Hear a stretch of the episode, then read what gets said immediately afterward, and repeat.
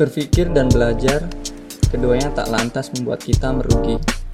Sebaliknya, justru berpikir dan belajar membuat kita memahami mana yang baik dan mana yang buruk. Terlebih lagi, mampu membuat kita yakin hakikat dari suatu kebenaran.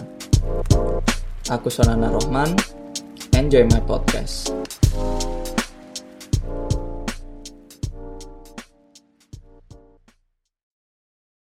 Assalamualaikum warahmatullahi wabarakatuh. Selamat datang kembali di podcast uh, podcastku ini ya. Sona mikir bareng aku di sini. Sona. Well, uh, sebelumnya aku mau nanyain kabar teman-teman, gimana kabarnya? Baik-baik gak sih kalian? Aku di sini alhamdulillah baik-baik aja. Nah, uh, aku harap teman-teman gimana ya kalau ada masalah itu ya segeralah terselesaikan. Bahkan aku harap uh, teman-teman gak ada masalah gitu kan. Kalau yang ada masalah juga ya itulah uh, cepet-cepet diselesaikan karena emang banyak masalah juga nggak enak kan di kalau ada kalau apa ya hidup banyak masalah juga nggak enak. Tapi kalau nggak ada masalah juga nggak enak juga gitu. karena masalah itu buatku sih sesuatu yang bisa menaikkan level kita karena dari masalah kita juga bisa belajar kan. Intinya seperti itu. Pada umum pada apa ya, secara alamiah manusia ketika dihadapkan suatu masalah akan berusaha untuk mencari jawaban mencari cara. Nah di saat proses pencarian eh, jawaban ini mencari suatu solusi gitu kan itu adalah proses belajar juga bagi manusia itu sendiri baik secara proses berpikir maupun keterampilan kasar yang dia lakukan dalam rangka untuk menyelesaikan suatu masalah atau untuk mencari suatu jawaban. Nah, dalam proses uh, belajar uh, manusia ketika menyelesaikan suatu masalah, lepas dari suatu hal yang mengekang dan lain sebagainya, itu uh, salah satunya umumnya ya adalah manusia itu atau orang-orang itu melakukan tindakan mengasingkan diri atau yang bahasa kerennya bisa uh, diistilahkan sebagai self-imposed exile. Nah, uh, kita akan lebih mendalam lagi membahas ini. Tapi sebelumnya aku mau ngomongin tentang definisi ini, definisi istilah ini terlebih dahulu, self-imposed exile atau mengasingkan ini ya memang secara harfiah bahasa Indonesia memang dia mengasingkan diri itu. Tapi kalau ngomongin mengasingkan diri ini dari sudut pandang self imposed excel adalah atas dasar kehendak sendiri. Tidak ada satupun tidak ada seseorang gitu kan yang uh, apa ya menyuruhnya untuk melakukan proses melakukan tindakan self imposed excel atau pengasingan diri ini.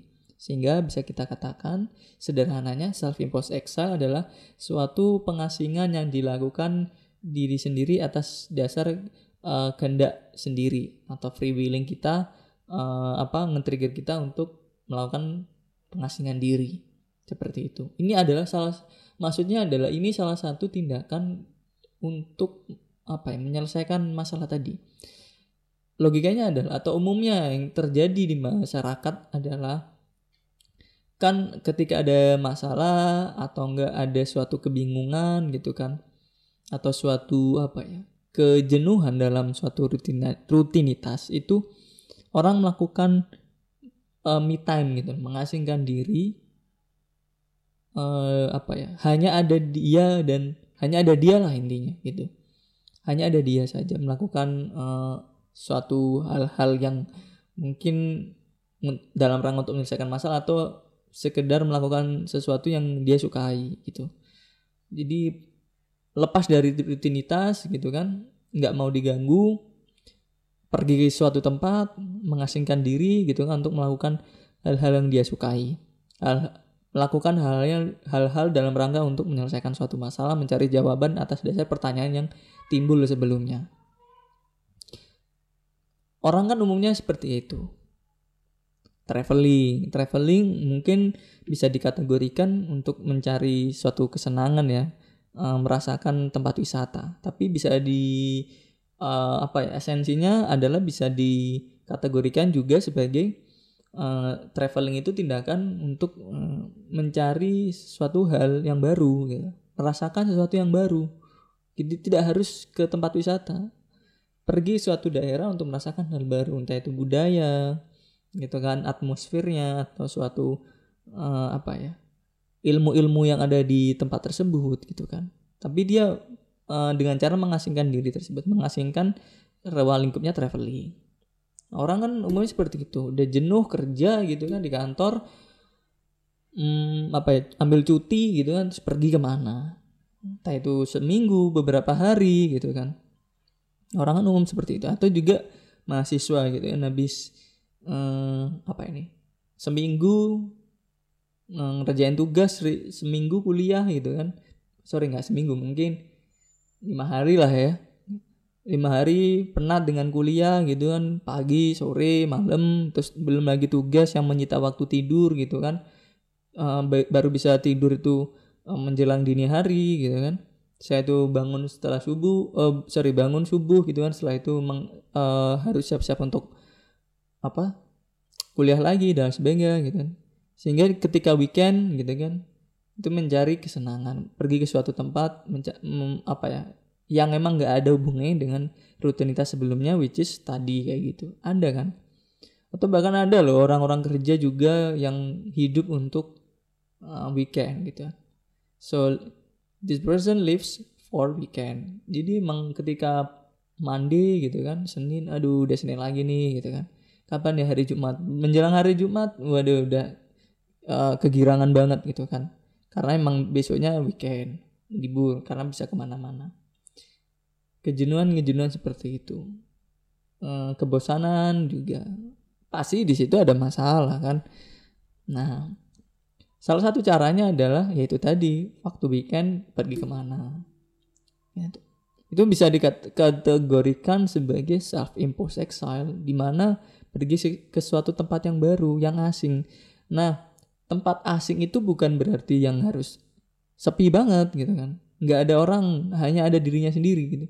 Bukan berarti seperti itu juga. Itu bisa gitu kan. Umumnya atau murninya seperti itu. Namun tempat asing itu ada adalah definisi asing kan adalah hal yang tidak kita ketahui, tidak familiar gitu. Jadi meskipun ada even there is uh, there is person there or there are many people live there but we don't know them. Itu dalam konteks uh, apa? Tempat asing juga. We don't know them and they don't know us. Itu adalah asing. Ya nggak sih? Karena kita belum belum tahu sebelumnya belum kenal sebelumnya itu asing kan nah tempat yang asing pun demikian. Tempat itu tidak kita ketahui. Karena kita belum pernah ke sana intinya. Melihat secara langsung by experience. Nah itu konteks tempat asing. Self imposed exile adalah ya kita pergi ke tempat yang asing which is we don't know gitu kan. Uh, apa ya which which we never know. Intinya seperti itu nggak pernah tahu beforehand sebelumnya. Nah uh, kata kuncinya dari self imposed exile ini adalah pengasingan diri atas dasar kehendak diri. Jadi emang secara sadar ya karena ada kehendak gitu secara sadar dia memang melakukan itu. Whether they need or not gitu kan. Tapi dia sadar melakukan itu. Dia apa ya butuh atau nggak butuh di situ. Tapi pada umumnya pasti butuh ya karena emang secara sadar akhirnya dia oh ya melakukan ini gitu. Tapi dia sadar meskipun nggak butuh-butuh banget gitu kan ya dia melakukannya untuk sesuatu yang lebih baik. Nah pasti jelas self imposed exile ini outputnya baik gitu. Memang sih tergantung dari proses awalnya ya. Tapi kalau uh, in case kita uh, kita katakan proses awalnya bagus lah ya, ya pasti self imposed Excel ini outputnya juga bagus. Ambil contoh, banyak tokoh-tokoh gitu kan di Indonesia zaman dulu uh, melahirkan suatu karya yang fenomenal gitu kan. itu sebelumnya melakukan self imposed exile atau pengasingan diri. Karya-karya besar itu umumnya juga muncul atau tercipta uh, dari pengasingan diri. Mereka mereka melakukan self imposed exile. Alhasil muncullah itu. Muncul. Nah, uh, apa ya? Tidak hanya suatu karya, tapi bisa dikatakan muncul pemikiran-pemikiran yang luar biasa tatkala uh, melakukan self imposed exile atau pengasingan diri. Yang awalnya dia melempem aja pemikirannya ketika mengasingkan diri gitu kan, merenung dia punya filosofi pemikiran tertentu, pemikiran yang filosofis. Sehingga itu nge-trigger dia uh, they know reason of being gitu loh.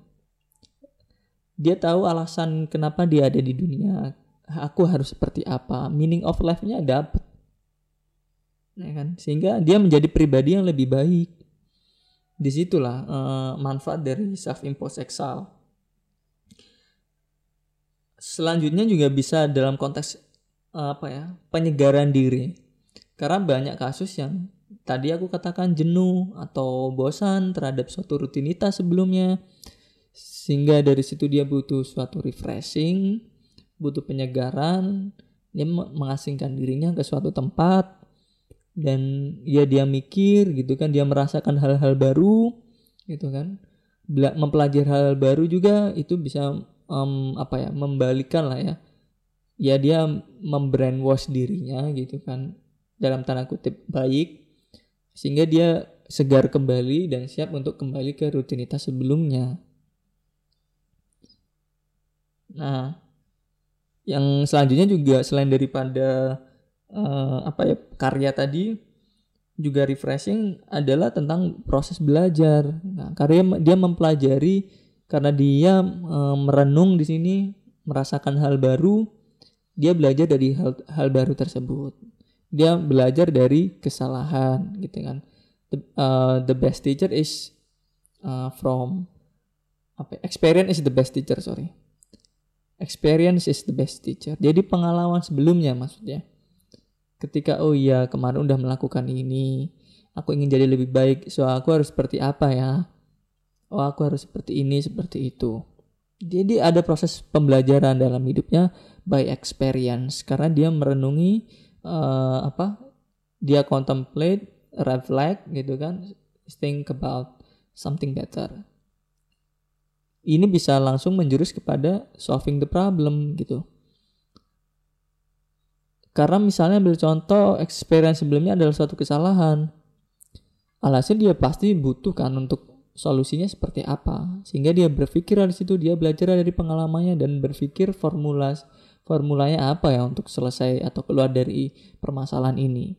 Gitu kan ketika dia merenung, ketika dia dalam pengasingan diri tersebut alhasil dia ketemu jawaban-jawabannya. Mungkin dari hasil pemikiran sendiri atau enggak ketika dia mengasingkan suatu tempat dan melihat suatu hal. Gitu. Bisa melihat dari uh, apa? Alam gitu atau enggak orang-orang sekitar di daerah tersebut. Nah, bisa juga, bisa juga ber, uh, belajar di sini adalah karena muncul suatu kreativitas baru gitu. Mungkin dia adalah seorang uh, pekerja seni. Nah, di mana seorang pekerja seni itu dituntut banget suatu kreativitas. Tidak tidak hanya pekerja seni saja sih gitu kan FYI, tapi juga ambil contoh semua bidang lah gitu kan karena mungkin di industri apa pun sekarang ini butuh yang namanya skill kreativitas karena ada kaitannya dengan semua industri lah ya ada kaitannya dengan industri kreatif gitu loh tapi yang paling kental sih Nah, tuntutannya demandnya adalah di bidang seni ya. Nah, ambil contoh ini secara umum ya, ada orang yang bekerja apa A gitu gitu kan. Uh, apa ya butuh sesuatu yang baru inovasi baru nah inovasi ini kan lahir karena muncul juga suatu kreativitas ya uh, kreativitas ini tercipta salah satunya ketika kita pergi ke suatu atau menghadapi sesuatu yang baru melihat sesuatu yang baru. Atau kalau nggak baru adalah sesuatu yang berbeda deh. Nah ketika kita mengasingkan diri, mengisolasi diri, ada suatu momentum yang berbeda entah itu tercipta dari pemikirannya sendiri atau enggak ketrigger dari lingkungan sekitarnya yang aku bilang tadi dari alam sekitar atau enggak dari uh, masyarakat-masyarakat sekitar yang menurut kita itu asing gitu loh. Oh ada sesuatu yang berbeda, berbeda nih ini orang melakukan ini mau uh, bajak sawah aja ada seperti ininya ada rutinitas seperti ininya gitu. Di situ ada uh, suatu ide gitu kan yang memicu kreativitas. Oh ini bisa dijadikan seperti ini nih gitu kan. Ambil contoh dia seorang uh, apa ya orang hmm, filmmaker dah gitu kan sutradara melakukan rutinitas masyarakat tertentu ketika dalam situasi pengasingan dan bisa dijadikan bisa diambil itu di apa ya dimodif lah ya dimodifikasi untuk um, menciptakan karya sendiri. Nah proses modifikasi ini adalah kreativitas di sini. Itu sangat baik. Karena ya alhasil karyanya pun nantinya misalnya dia bikin film kayak gitu uh, short movie atau enggak yang benar-benar uh, yang durasinya panjang akan menjadi sesuatu pembeda yang unik gitu. Sedikit membahas uh, hal ini yang beda gitu. Teringat oleh uh, teringat oleh perkataan Panji Pragiwaksono sedikit berbeda itu lebih baik daripada lebih baik gitu. Karena orang pasti menotis sesuatu yang berbeda tersebut. Ketika semua orang makan uh, apa mie ayam gitu, ada satu orang yang makan pizza di situ misalnya. Misalnya nih ya. Ya pasti orang akan melirik makan pizza gitu kan. Dan di, di saat lainnya makan mie ayam. Ada notice gitu kan karena dia paling beda. Nah, beda ini kalau bedanya baik gitu kan bedanya ini baik ya artinya baik itu tidak melanggar norma, norma agama norma-norma sosial norma norma yang lain gitu kan. Tidak bertabrakan berbenturan dengan itu. Tapi beda gitu. Itu akan jatuhnya positif. Wih kayak gini nih gitu kan. Ambil contoh deh uh, makanan ya. Kembali lagi ke makanan banyak yang kayak aneh-aneh lah nama makannya gitu kan uh, apa ya sate apa sate lidah buaya sate apa gitu itu kan sesuatu yang uh, namanya berbeda unik gitu kan daripada kebanyakan. Karena kebanyakan sate sate daging ya sate ayam gitu kan. Tapi ini ada sate lidah buaya. Itu sesuatu yang unik gitu loh. Dan uh, dan ternyata kan ya halal juga gitu mas maksudnya. Ya kan orang pasti akan coba ah coba ah gitu loh. Ketika emang benar-benar enak datang lagi gitu kan beli lagi. Bahkan merekomendasikan ke teman-temannya gitu kan untuk uh, beli di sana juga. Nah alhasil akan semakin baik gitu loh. Nah kembali ke proses uh, berpikir uh, kreatif tadi ketika dalam situasi pengasingan adalah itu bisa memicu kreativitas proses pengasingan ini. Karena pasti kita akan mikir pasti kita akan yang namanya uh, apa ya ketemu hal-hal baru menghadapi hal baru experience new things gitu. Dari situ pasti otak kita bekerja gitu. Kalau kita emang pengen menciptakan suatu karya yang berbeda menciptakan suatu hal yang atau inovasi gitu kan which is uh, what is it? creativity in it gitu kan. Itu sangat bagus sekali sangat bagus sekali. Jadi kita berpikir, oh ya ini ada sesuatu yang baru, oh ini oh bisa nih dimodif nih, oh ini bisa nih diadap, diadaptasi nih jadi seperti ini. Oh bisa nih dikombinasikan dengan yang demikian nah, muncul kreativitas. Akhirnya jatuhnya juga karya. Jatuhnya juga problem solving. Problem solving juga butuh suatu kreativitas gitu. Ketika menyelesaikan masalah itu nggak bisa ah, dalam umumnya oke okay, oh ini uh, ada masalah penyelesaiannya A ketika nggak bisa ah, apa ya? Ternyata ketika ada suatu kreativitas ya bisa menjadi B. Oh ternyata bisa efektif dan le lebih efektif dan lebih efisien. Nyatanya demikian. Banyak penyelesaian penyelesaian masa masalah itu atas dasar kreativitas. Nah ketika kita kreativitas kita mikir. Nah mikir ini nggak asal kan? Butuh uh, apa ya situasi situasi situasional juga Salah satunya, salah satunya adalah pergi ke tempat yang asing gitu. atau bisa kita kategorikan sebagai self-imposed exile.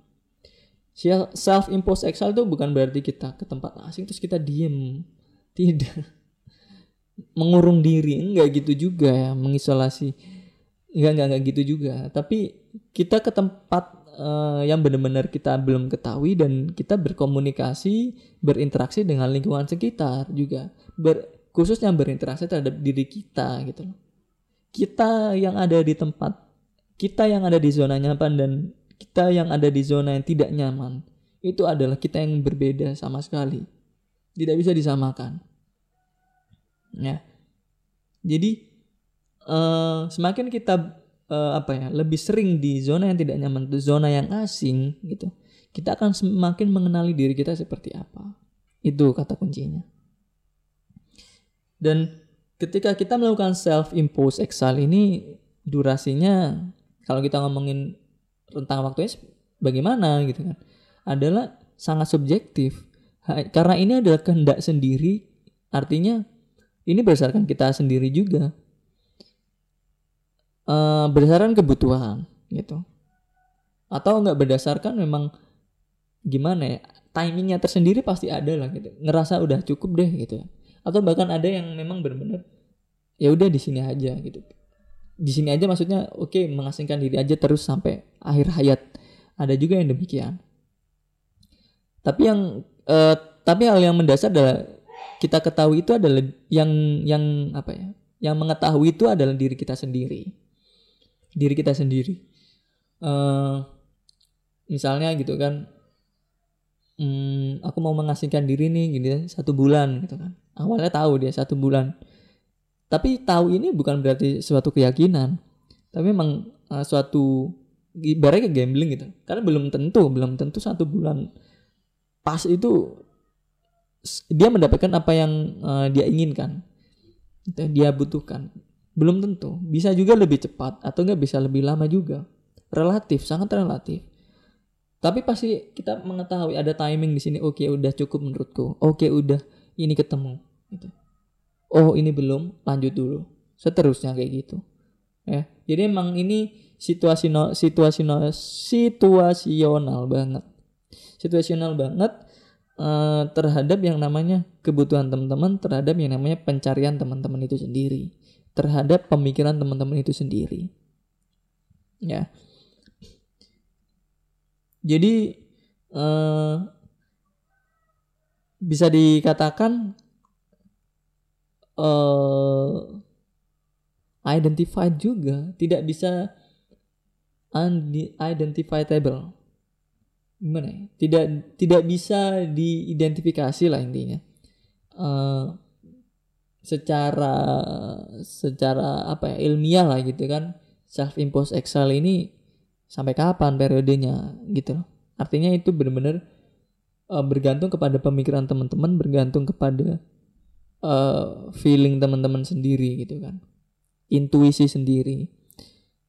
Karena teman-teman yang sebelumnya menghadapi suatu gejolak uh, permasalahan batin gitu kan permasalahan pikiran dan lain sebagainya ada suatu chaos city gitu kan dalam dirinya dengan lingkungannya sebelumnya kan dan ingin mencari suatu penyelesaiannya ingin mencari uh, pembelajarannya dan lain sebagainya. Ingin mencari atau mendapatkan sesuatu yang baru dari apa yang benar-benar tidak didapatkan di rutinitas awal dan lain sebagainya.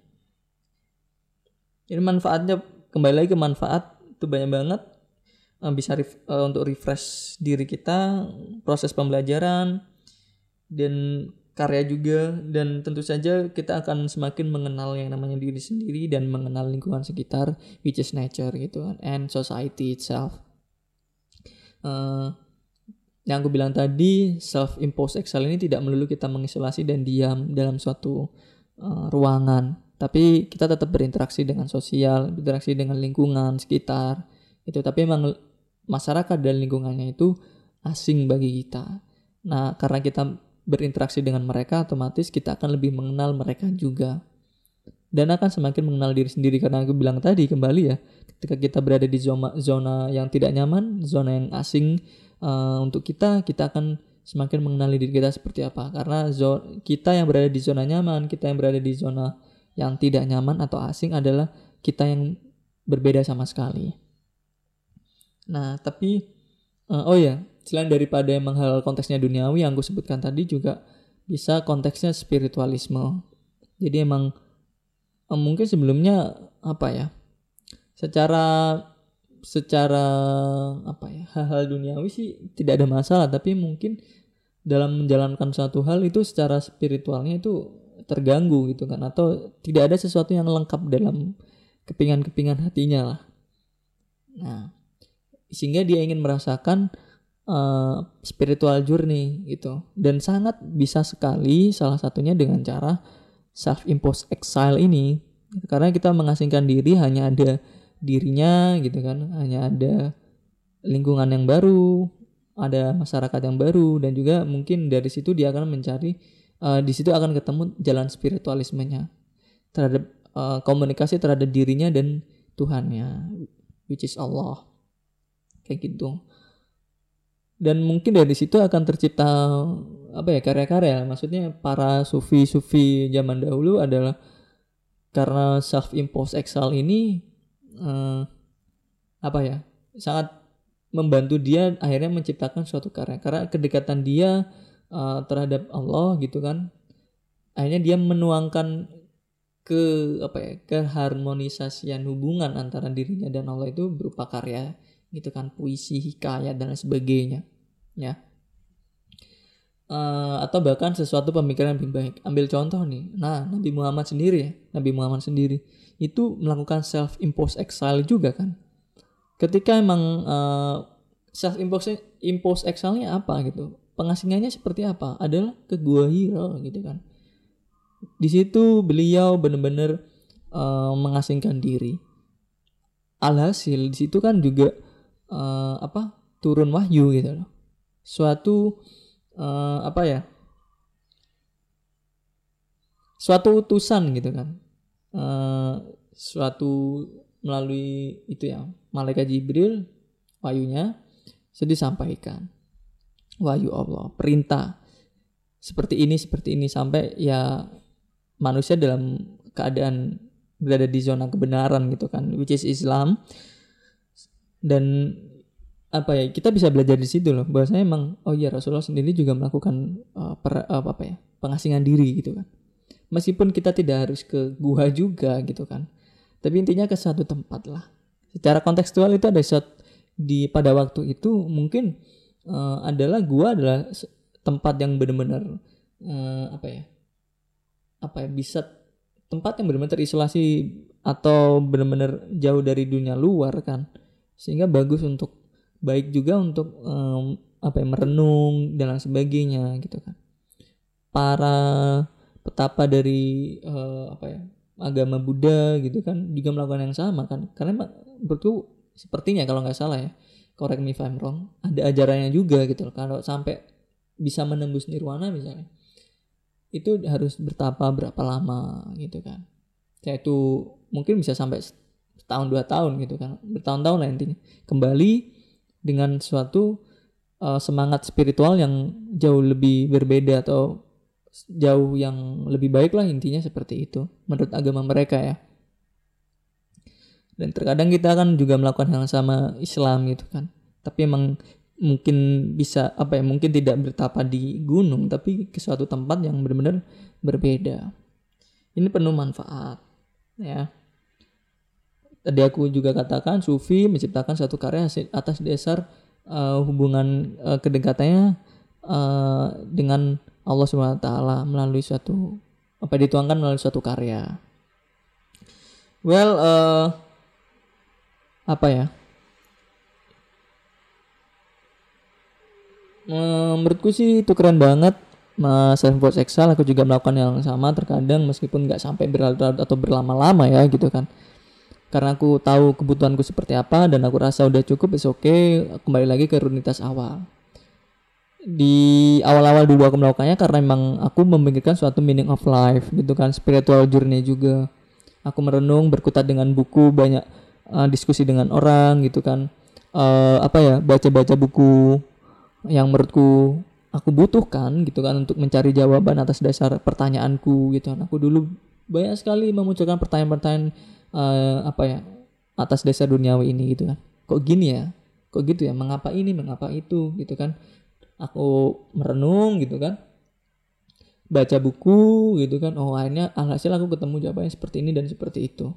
Ya berdiskusi dengan orang akhirnya ketemu seperti ini seperti itu. Jadi mungkin kenapa perlu kalau dikatakan kenapa perlu melakukan ini sih apa pentingnya gitu kan.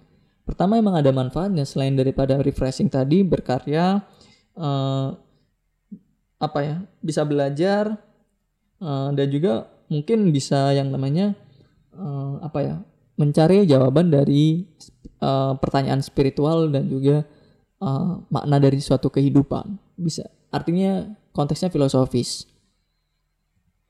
Karena kadangkala kita juga perlu berfilosofis artinya maksudnya gini ketika hal-hal itu tidak bisa terjawab uh, apa ya secara gamblang mungkin bisa secara filosofis terjawab dari apa yang kita apa ya pertanyakan atau apa yang menjadi permasalahan dalam hidup kita. Terkadang juga seperti itu.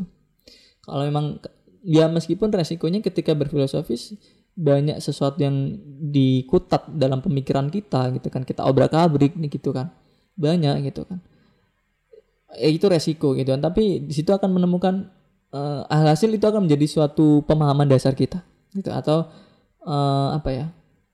Ya menjadi suatu landasan atau hal yang fundamental atau prinsip lah ibaratnya. Alhasil gitu biasanya eh, hal-hal yang filosofi itu kita camkan baik-baik kan atau bahkan itu menjadi uh, suatu apa ya ibaratnya itu fondasi gitu kan kita fondasi kita dalam berpikir dalam melakukan tindakan dan lain sebagainya. Dan itu ketika itu fondasinya udah kuat dan jarang untuk bisa digoyahkan. Nah itu pentingnya juga dalam berfilosofis. Hmm, apa lagi ya yang bisa aku sharingkan? Kalau ngomongin refresh juga jatuhnya kepada mitam kita terkadang mungkin ya selama ini udah kerjaannya berkutat dengan orang lain gitu kan fokus ke orang lain sehingga aduh kapan nih mikirin diriku sendiri? Gitu kan. Sehingga butuh refreshing untuk melakukan sesuatu yang kita senangi which is hobby gitu kan. Uh, dan kita benar-benar bisa merasakan diri sendiri. We can feel alive. Seperti itu. Well uh, jadi emang di sini niatannya aku mau encourage teman-teman lah ya. Mau campaign bahwasanya terkadang investasikan diri kita lah terhadap yang namanya mengasingkan diri dalam rangka untuk mencari suatu jawaban menyelesaikan suatu masalah mengenali diri sendiri bahkan mengenali hal-hal yang belum kita ketahui gitu. Agar kita bisa belajar gitu kan dan dari proses itu semua akan men, akan kita jadikan suatu formula untuk menjadi pribadi yang lebih baik gitu kan. Baik untuk diri kita sendiri dan agar baik juga untuk orang lain karena kita akan tahu how to treat someone else intinya seperti itu. Uh, syukur-syukur teman-teman dari pengasingan itu bisa menciptakan suatu yang baru inovasi baru karya baru gitu. Uh, sehingga itu bisa dinikmati oleh oleh orang lain. Dan benar-benar orang lain merasa ada manfaatnya dari itu semua. Mungkin uh, apa ya itu yang bisa aku sampaikan. Kurang lebihnya aku mohon maaf. Yang buruk teman-teman bisa singkirkan. Yang baik-baik bisa ambil and I really hope you take advantage from me gitu kan and then I believe ya gimana ya I hope what I share is really beneficial for you it can develop you and it can make you learn something new and then you can be better person That's all for me. Thank you very much for your all intention. Assalamualaikum warahmatullahi wabarakatuh and see you on the next podcast. Bye.